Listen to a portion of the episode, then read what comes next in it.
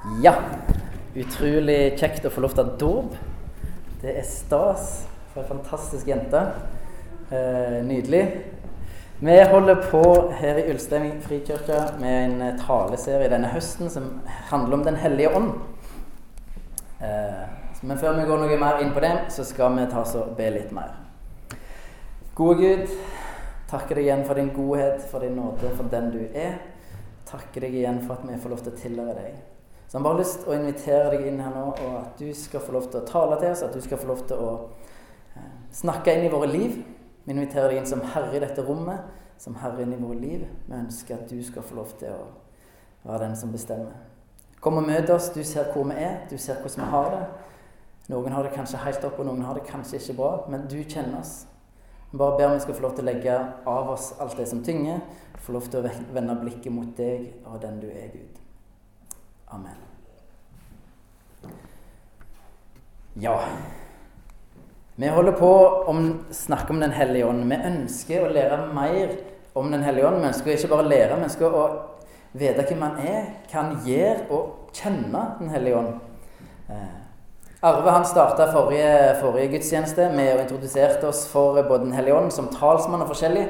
Så hvis du ikke fikk med deg den, så ligger den på nettsida. Den ligger på Spotify på iTunes. Kan anbefale å høre den. Eh, men vi som er lutheranere, vi er for å Vi er ikke kjent for å være de som har mest fokus på Den hellige ånd, dessverre. Eh, vi tror jo på en treenig Gud, at Gud er tre samtidig som han er én. Eh, og det blir fleipa med at for lutheranere så består treenigheten av Faderen, Sønnen og Bibelen. Mens det er jo egentlig Faderen, Sønnen og Den hellige ånd. Og dessverre så er det, en, det er noe sant i det, da. Og det er ikke helt bra. Det er faktisk veldig dumt. For Den hellige ånd er enormt viktig. Og vi trenger å bli kjent med Den hellige ånd. Jeg tenkte bare skulle, som, bare for å vise deg, liste opp litt eh, noen ting som Den hellige ånd gjør, hvilken funksjon han har. Den hellige ånd han gir oss kraft og styrke. Han gir oss Guds kjærlighet i hjertet. Han gir oss identitet som Guds barn. Han gir rettferdighet, fred og glede. Han gir åpenbaring om dybdene i Gud. Han eh, gir oss nådegaver. Han former oss til å bli mer lik Gud. Han gir visdom og åpenbaring. Han gir kraft, kjærlighet og visdom. Han gir oss liv og fred. Han går i forbønn for oss. Han gir frihet, gir visdom og innsikt. Skaper frukt i oss. Skaper enhet. Dette er bare noen av tingene som Den hellige ånd gjør. Eh, men du ser at dette er ganske mye, ganske viktige ting som han gjør, ønsker å gjøre i oss. Eh, og I dag skal vi se litt på hvordan dette her fungerer. Og Det er en ting som vi er nødt til å presisere før vi, før vi går litt på det. Eh, og det handler om ordet frelse. Når du hører det ordet frelse, så vil du sannsynligvis tenke at eh, ja, det er et bestemt tidspunkt i historien da jeg kom til tro. Da ble jeg frelst. Sånn snakker vi som regel om ordet frelse, eller det å være frelst. Men Bibelen snakker ikke kun om frelse på den måten. Bibelen snakker om frelse både i fortid, altså at vi ble frelst en gang. Han snakker om det i framtid, at vi er frelst nå. Nei, for nåtid han snakker om det i framtid, at vi skal bli frelst. Holde på å bli frelst, egentlig det rette begrepet. Og den formen som er oftest brukt, det er, er den som er i framtid. At vi holder på å bli frelst. Og tanken er dette at selv om du er født på ny, selv om du er frelst, så er ikke Gud ferdig med deg. Det er mange ting i livet mitt som jeg trenger å bli frelst ifra. Selv om jeg tror på Jesus, så er ikke han ferdig med å frelse meg. Det er mange ting som jeg trenger å bli frelst fra. Og det er sannsynligvis et par ting i liv også, ditt liv òg. Og det jeg sier nå, det er veldig viktig, faktisk. Gud elsker deg akkurat sånn som du er, men han elsker deg altfor mye til å la deg forbli sånn som du er. Er du med på den? Han elsker deg akkurat sånn som du er. Du trenger ikke prestere for Gud, men han elsker deg for mye til å la deg forbli sånn som du er. Hvis du er en forelder, så vet du hvordan dette funker. Du elsker ungen din sånn som han er, men du lar han ikke gå i bleie resten av livet. Selv om du elsker han. Selvsagt hvis han skal slutte med bleie, vokse, oppleve frihet, oppleve at han, der skjer ting i livet, han tar steg, utvikler Selvsagt. Du vet hva potensialet Babyen vet ikke hva potensialet han har, men du vet det. Så du elsker han sånn som han er, men du lar han ikke forbli sånn som han er. Og det er viktig. De to går hånd i hånd. Og den prosessen med å sette meg og deg mer og mer fri og frelse deg, det er Den hellige ånd som gjør i lag med Eller det er han som gjør det, og vi lar han få lov til det. Og Dagens tekst handler egentlig om dette, så vi skal lese den i, fra Galaterbrevet, kapittel 5, og vers 19 og til 25. Det er klart hva slags gjerninger som kommer fra kjøttet. Hor, umoral, utskeielser, avgudsdyrkelse, trolldom, fiendskap, strid, sjalusi, sinne, selvhevdelse, stridigheter, splittelser, misunnelse, full festing og mer av samme slag. Jeg har sagt det før, og jeg sier det igjen. De som driver med slikt, skal ikke arve Guds rike.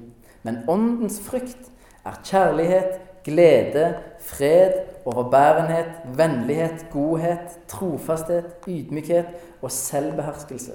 Slike ting rammes ikke av loven. De som hører Kristus til, har korsfestet kjøttet med dets lidenskaper og begjær. Lever vi ved Ånden, så la oss også vandre i Ånden.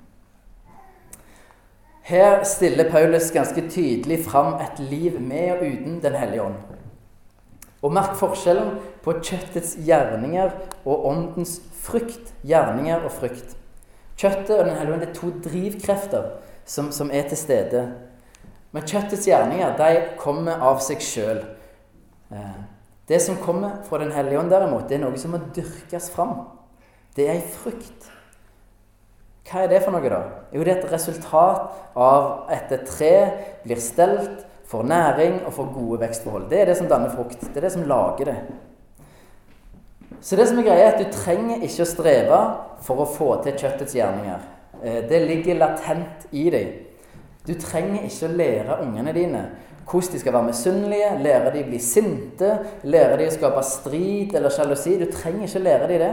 Lære de å stjele. Ingenting trenger du å lære deg det. Det kommer helt av seg sjøl. Du trenger, trenger ikke bekymre deg en millimeter for det. Men åndens frykt, derimot, den trenger gode vekstvilkår. Så vi skal se litt på åndens frukt. Hva er det som er viktig å være klar over? Eh, og det som er en ting som først og fremst Ordet frukt det står i eintall. Eh, det vil si at det er ikke sånn at ja, først kommer kjærligheten, som var den første som var nevnt, og så noen år etterpå så kommer ydmykheten, og så noen år etterpå så kommer selvbeherskelsen. Nei, nei. Alt dette skjer samtidig. Det er frukt i eintall. Eh, så hvis eh, La oss si at jeg da var så heldig at jeg, jeg oste kjærlighet, men jeg var stolt som fyr hadde ikke ydmykhet, så er det et eller annet som er gale her. Okay? Det er et eller annet som, For Den hellige ånd vil jobbe med alt samtidig. Det betyr ikke at alt er veldig synlig hele tida, men det skjer samtidig. Og Jeg skal ikke si så veldig mye om hver enkelt av dem, men jeg skal si litt. Og Hvis vi tar neste de tre første karakteristikkene La oss kalle det det. Jeg vet ikke, jeg fant ikke helt på et godt navn på det. Men, men uh, la oss kalle det karakteristikker. De handler om noe som skjer djupt inni deg. I din sjel eller ånd. Det handler om en indre tilstand. Uh, og det første ordet er kjærlighet.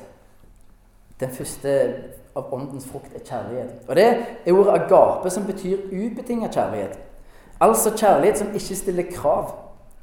Den kjærligheten som Gud elsker oss med, som Han har gitt oss ved Den hellige ånd, som det står om i Romerne kapittel 5 av vers 5. Og det kan jo være verdt å reflektere litt over. Og egentlig verdt å danse litt for å ta en salto for det er helt utrolig. Både at vi elsker ubetinga av Gud, og at det å elske ubetinga er noe som vi kan gjøre ved Den hellige ånd. Den gir oss den evnen, den rene kjærligheten som er fra Gud, den fins inni oss ved Den hellige ånd. Det er ganske utrolig når du begynner å tenke over det. Og så har vi neste ord, som er glede. Og det handler ikke om følelser, selv om det kan være til stede. Men dette handler om en dypere indre glede som ikke er avhengig av omstendighetene. Ofte er sånn at gleden vår den handler om at ah, nei, 'Jeg hadde en god dag på jobben', eller ah, 'Jeg eh, vant i Lotto', eller 'Yes, i dag eh, Ja, et eller annet. Noe som skjer rundt oss. 'I dag har jeg en god dag, da kan jeg være glad'. Og så dagen etterpå så var det en dårlig dag, og da kunne du ikke være glad. Men dette er en glede som ikke handler om den uavhengig av omstendighetene. Det er en indre glede eh, som er djup, djup, og som handler om eh, en Altså Dette oppstår ikke i et vakuum, men det er knytta til Jesus. Den indre gleden som vi kan kjenne, er knytta til Jesus, hvem han er, hva han har gjort for oss, og hvem vi er i han. Det er kilden til glede. Så bare vær klar over alle disse tingene her, alle disse ordene som nevner, de oppstår ikke i et vakuum. Dette handler om hvordan Gud er. Så har vi neste ord, og det er fred. Eh, I den første greske oversettelsen av Gammeltestamentet, eh, som kalles for Septuaginta, hvis noen lurte på det, den ble lagd ca. 100-200 år før Kristus. Så dette ordet fred som vi finner her i Galaterbrevet, det greske ordet som blir brukt, det, det er oversatt fra hebraisk med shalom. Det hadde snakket om litt om eh, denne 29. august på gudstjeneste da. Det er et ord som er metta med innhold. Eh, det, det, betyr, det, betyr, fred med deg sjøl, med Gud, med andre, med, om velvære, harmoni, tilfredshet osv. Det er ordet fred som er brukt her. Shalom. Eh, og den er tilgjengelig ved Den hellige ånd, som er gitt til oss. Du har mulighet til å ha det sånn inni deg. Det er faktisk mulig. Skal vi se på de tre neste ordene. Det er karakteristikker som handler om hvordan vi omgås andre mennesker. Og det første ordet der, det er overbærenhet. På engelsk blir det brukt bl.a. tålmodighet i noen oversettelser. Men det handler om å tåle motgang. Tåle pes fra andre mennesker eller omstendigheter. Uten å klage, uten å bli sint, eller uten å gå rundt og tenke at du skal ta igjen på andre mennesker. Nå skal de gjerne få. Det handler slett om å tåle mennesker som er annerledes enn deg, og som du i utgangspunktet egentlig syns er plagsomme. Det handler det faktisk om. Eh, og det kan jeg også si. Jeg skulle ønske jeg hadde mer av akkurat den der. Den, det hadde vært fint. Alle disse her kunne jeg, jeg trenger de sårt. Eh, men dette er en av de som kjenner ja, dette trenger jeg. Dette trenger samfunnet vårt, at vi tåler hverandre. Og det har vi mulighet til. Neste ordet, det er vennlighet. Og det handler rett og slett enkelt og greit om å vise medfølelse og være god mot andre. Og som sagt, dette oppstår ikke et vakuum. Dette er ting som Gud er mot oss. Gud er vennlig mot oss. Gud er god mot oss. Så har vi neste ord, som er godhet. Og Det høres jo ikke de to like, men dette godhet-ordet her, det handler faktisk om moralsk godhet. At en vil og står for det som er rett og godt. At en elsker det som er rett og godt. Moralsk godhet Det, det er litt sånn vanskelig å bruke ordet moralsk, for det har en sånn negativ klang hos oss. Eh, så tenk det som er rett og godt, eh, som Gud har gitt oss. Å stå for det og elske det. De tre siste ordene det er karakteristikker som er på en måte, ja, generelle for vår oppførsel, egentlig, kan vi si. Kvaliteter som styrer den generelle oppførselen vår. Og Det første ordet er trofasthet. Og Det handler både om trofasthet mot Gud, eh, mot det som en tror på, men òg at en som person er til å stole på. Trofasthet. Neste er ydmykhet. Eh, og Det handler om å ha en mild framtoning om det å Kanskje det å kunne innrømme feil, f.eks. Det å ikke tro at du er bedre eller viktigere enn andre. Men det handler ikke om å tenke mindre om deg sjøl, men å tenke mindre på deg sjøl. Merk dere den. Mange i kristne, kristne settinger så har det å være ydmyk ofte handler om at å nei, ja, nei, jeg er så dårlig. Nei, jeg kan ikke gjøre noe. Nei, jeg kan ikke ditt. Nei, for jeg er så dårlig. Og så tror en at det er ydmykhet. Og det er bare tull. Det er ikke ydmykhet i det hele tatt. Det handler om sjølmedlidenhet eller et eller annet helt i en helt annen kategori. Ydmykhet handler ikke om å tenke mindre om seg sjøl, om hvem Gud skapte når han skapte meg, men det handler om å tenke mindre på meg sjøl. At jeg er ikke den viktigste personen i dette rommet her. Det er noen andre som er viktigere enn meg. Det er ikke det viktigste jeg får viljen min. Det er viktigst at andre har det bra. Ok? Viktig å på en måte merke seg den forskjellen. Neste ordet det er sjølbeherskelse. Og det handler som det er egentlig ganske selvforklarende, handler om å ha kontroll over seg sjøl. Og det er nok sannsynligvis i den teksten så er det mynta på det vi leste om disse kjøttets gjerninger. Dette handler nok om å klare å kontrollere de drivkreftene som vi leste om der. Det handler om å kontrollere begjær og lyst. Og det er jo en Hvis, hvis du ser på samfunnet vi lever i, så er ikke dette det som der eh, bobler fram av. Sjølbeherskelse. Her er mer mantra 'har du lyst, har du lov', så do whatever. Eh, mens Bibelen sier at det går an å styre dette ved Den hellige ånd. Vi har blitt gitt muligheten til det. Og Bibelens statement er at disse kvalitetene er umulig å oppnå uten Den hellige ånd. Merk deg det. Det er på en måte det Bibelen påstår. At alle disse ni ordene som du har sett nå, de går det ikke an å ha fullt ut uten Den hellige ånd. Kanskje du har elementer av det, men dette blir gitt ved Den hellige ånd. Det er litt å tenke på. Eh, og det fantastiske for oss er at dette er noe Den hellige ånd ønsker å gjøre oss. Han lengter etter å få lov til å gjøre det. Og det hadde, Tenk så utrolig bra det hadde vært eh, å vokse i disse tingene. Tenk hvor bra det hadde vært for samfunnet. Og vi var en gjeng som bare Disse tingene, det er oss. Det er oss. Og så kommer det store spørsmålet, da. Hvordan får vi til dette? Og som sagt, dette er det Den hellige ånd som gir i oss. Det er frukt. Og den frukta kommer fra at treet får nok næring og pleie. Og Jesus han bruker nesten et helt likt bilde i Johannes 15, vers 4-5. Kan få opp det. Der sier Jesus.: Bli i meg, så blir jeg i dere. Slik som greinen ikke kan bære frukt av seg selv, men bare hvis den blir på vintreet, slik kan heller ikke dere bære frukt hvis dere ikke blir i meg. Jeg er vintreet, dere er greinene. Den som blir i meg, og jeg i ham, bærer mye frukt. For uten meg kan dere ingenting gjøre. Uten meg kan dere ingenting gjøre. Så det som vi trenger å gjøre, det, det som Jesus sier, at vær tett på meg, koble på meg. Eh, var i lag, bli kjent med meg, bruk tid i lag med meg. Om det blir mye eller lite frukt, kommer an på hvor mye næring denne greina får, hvordan den blir stelt, hva vekstforhold en har. Og det handler om at eh, Den hellige ånd, hvor mye plass en får i livet vårt. Det er det store spørsmålet. Det er det som er avgjørende. Et av ordene som blir brukt for, eh, om Den hellige ånd, når du skal oversette det greske ordet som er oversett om Den hellige ånd Et annet ord er f.eks. Eh, luft eller vind eller sånne ting.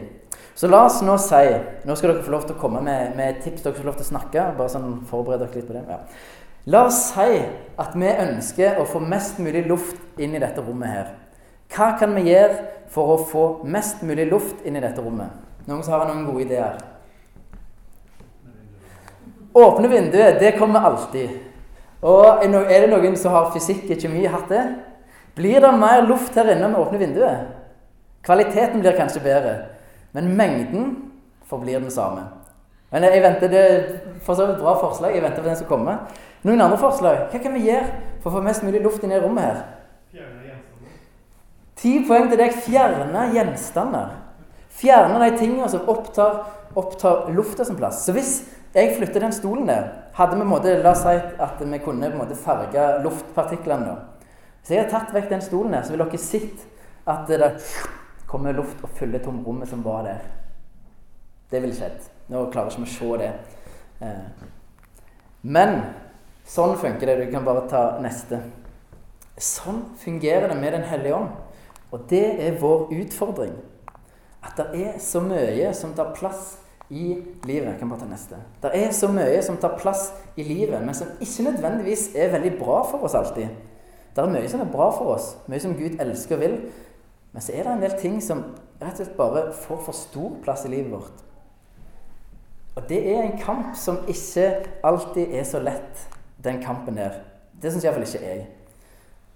Eh, det er bl.a. derfor vi har fellesskap, at vi har kirke, vi har hverdagsgrupper, for å stå sammen i en kampen, for å hjelpe hverandre til å, at Den hellige ånd skal få lov til å virke i oss, få lov til å forme oss og prege oss, sånn at vi ligner mer og mer på Gud, og sånn at folk rundt oss kan få se litt mer av hvem Gud er når de møter oss.